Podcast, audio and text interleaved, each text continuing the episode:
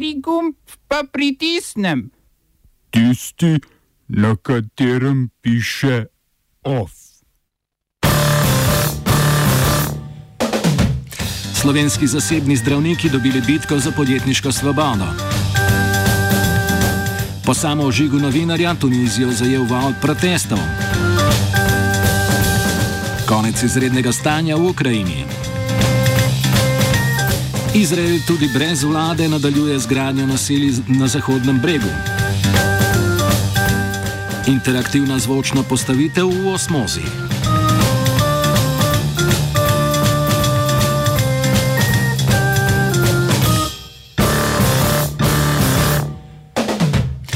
Vlada predsednika Združenih držav Amerike Donalda Trumpa je po smrti drugega prebežniškega otroka sprejela sklep o sistematičnem pregledu zaprtih otrok migrantov.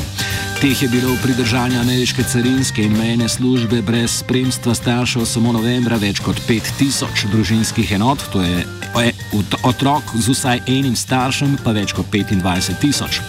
Ukrep je posledica smrti drugega otroka, osemletnega Gvatemalčana v pridržanju na meji med Mehiko in ZDA. Predtem je v začetku meseca umrla sedemletna deklica, prav tako iz Gvatemale, ki naj bi umrla zaradi dehidracije in pomankanja hrane.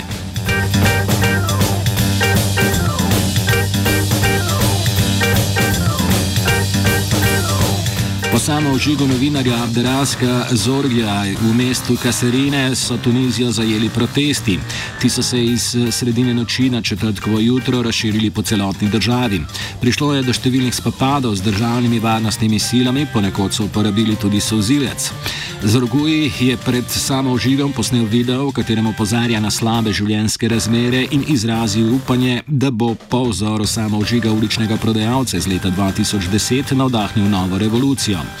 Tunizijo v zadnjih mesecih prežemajo politični boji pred predsedniškimi volitvami decembra 2019. Osem let po tako imenovani arabski pomladi jo bremenijo večanje revščine, visoka stopnja nezaposlenosti mladih in neenakomerna razvitost regij. Nezadovoljstvo nad stanjem v državi javno izraža tudi Tunizijska zveza novinarjev, ki je za obletnico strmoglavnja diktatorja Bena Alija 14. januarja napovedala splošno stavko.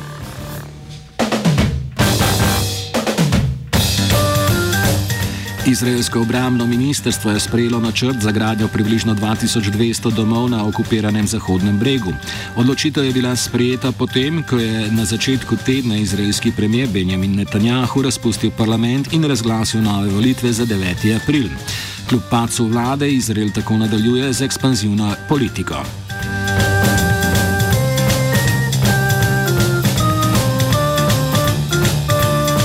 Francosko sodstvo je po več kot 24 letih po sestrelitvi letala takratnega ruanskega predsednika Juvenala Habjarimane pripadnika Hutijev prekinilo preiskavo zaradi pomankanja dokazov. Ta dogodek je bil povod za genocid Hutijev na Tutsi, ki je zahteval več kot 800 tisoč žrtev.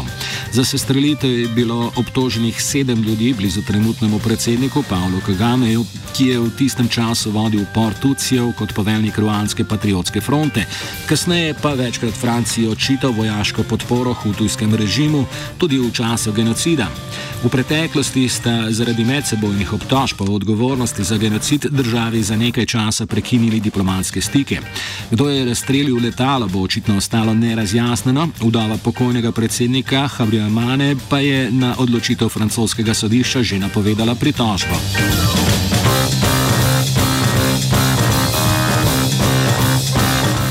Evropska komisija bo ugodila Franciji in sprejela njen predlog, ki predvideva, da bo proračunski primankljaj višji od 3 odstotkov, ki jih dovoljuje Evropska unija, ali v primeru, da bo to edini takšen primer.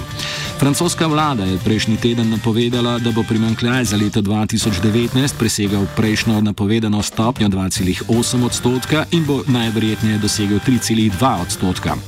Vlada in francoski predsednik Emmanuel Macron sta pod pritiski tako imenovanih rumenih jopičev bila prisiljena popustiti in sprejeti številne ukrepe, ki so obremenili državni proračun. Evropski komisar za proračun Ginter Oettinger je dejal, da bodo pod tem pogoji tolerirali višji proračunski deficit, ali pod pogojem, da bo to izjema in da Franciji uspe do konca leta 2019 priminklaj ponovno pripeljati pod 3 odstotke.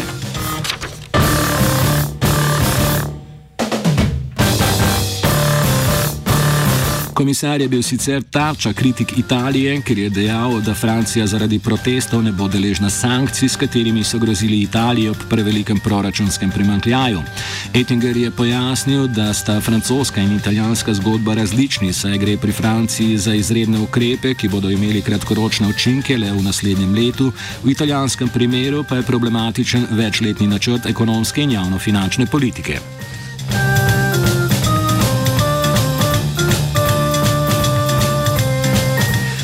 Ukrajini se je izteklo enomesečno obdobje izrednega stanja, ki je bilo razglašeno tri dni po zasežbi ukrajinskih ladij strani ruskih obmejnih stražarjev v kraški Kerški ožini med Črnim in Azovskim morjem. Eden od ukrepov, ki je bil podaljšan koncu izrednega stanja na vkljub, je prepoved vstopa v državo ruskim moškim starim med od 16 do 60 let. Po podatkih ukrajinskih oblasti so s tem ukrepom uspeli preprečiti vstop približno 1650 Rusom. Uveljavitev izrednega stanja je bila nepričakovana, saj se za omenjen ukrep ukrajinski predsednik Petro Porošenko ni odločil niti ob aneksiji Krima strani Rusije leta 2014. Čeprav v, v, v tem obdobju civilno prebivalstvo ni čutilo posledic, pa je Porošenko danes že razglasil nove sankcije proti upletenim pri zajetju ukrajinskih plovil, med katerimi so tudi nekateri ruski poslanci. Ben Aris, urednik spletnega portala BNI Intellinews, meni, da je za legitimiranje vojnega stanja potreben konkreten napad na državo. V Ukrajini je bila situacija drugačna. However, there's been no military action other than this, this naval clash in the Sea of Azov. And the law in itself wasn't necessary. Um, the point being is that the decision to limit it, because Poroshenko initially asked for 60 days, but the uh, the Rada, the, um, the Ukrainian parliament, uh, limited it to 30 days. And that is a purely political reason. If there was a military reason for the martial law, then the amount you, you, shouldn't be able to arbitrarily judge the amount of time that it's needed for. Uh, either you're under attack and you need it for as long as you need in order to repel the invading forces, or you're not. And so I think the whole thing with the martial law was a, um, a political gambit from the beginning. Aris dodaja, da je za razumevanje dejanja potrebno razumeti tudi bližajoče se volitve. And his problem is that if he wants to be re-elected as president, he's not even going to make it to the second round. Um, you, in order to win in the first round, you have to have 50%. Timoshenko is far away from that, so there will be two rounds. And Poroshenko won't make it into the second round. So he needs to do something purely from a political point of view in order to improve his standing. And classically, having a short, sharp war with somebody is a, a, good way of boosting your popularity. It allows you to look strong, and um, it, you can call for unity at a time of you know you're under attack from outside. However, from the polls I've seen, it doesn't seem that the uh, scaremongering, if that's what's going on, uh, has worked, and that Poroshenko, his popularity hasn't changed. Na Kosovu se nadaljuje dvodnevna stavka medicinskega osebja, ki od vlade zahteva više plače. Stavki so se pridružile vse klinike Univerzitetnega kliničnega centra in tudi nekatere ostale tamkajšnje zdravstvene institucije. Predsednik zdravstvenega sindikata Blair Sila je dejal, da se bodo v primeru, da vlada ne ugodi zahtevam, stavke nadaljevale in še zaostrile v naslednjem letu. Zdravniki na Kosovo trenutno zaslužijo približno 600 evrov mesečno, a se po silovem mnenju ne počutijo dovolj cenjene in bi lahko enako plačilo dobili za precej manj stresno ter zahtevno delo. Kot primerjavo navaja, citiramo: Veliko lažje je biti politik, pogledajte njihove bančne račune. Ovo, če, če bom odgovoril na angliški. Uh, uh, Slovenija bo poskušala pomagati. Uh, Slovenija bo and we will do our utmost to say that the situation is uh, our problem ourselves. And uh, we will uh, make further steps as soon as the conditions are uh, very, very serious. News from Slovenia. We know how and we will. Uh, Težko pa je bilo tudi slovenskim zdravnikom, ki jim je dosedaj zakonodaja onemogočala nadzor nad profiti, ki so jih kot zasebniki s trdim delom ustvarili v javnem zdravstvu.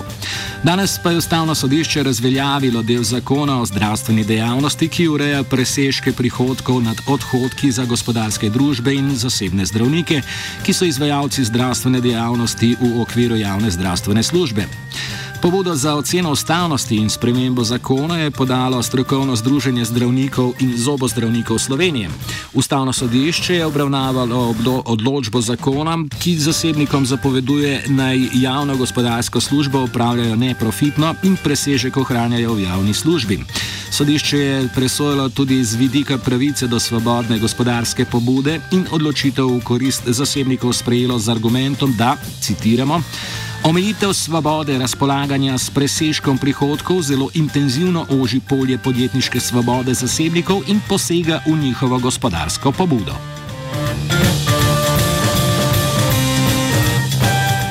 O so pripravili vajenci Tim, Brina in Jan.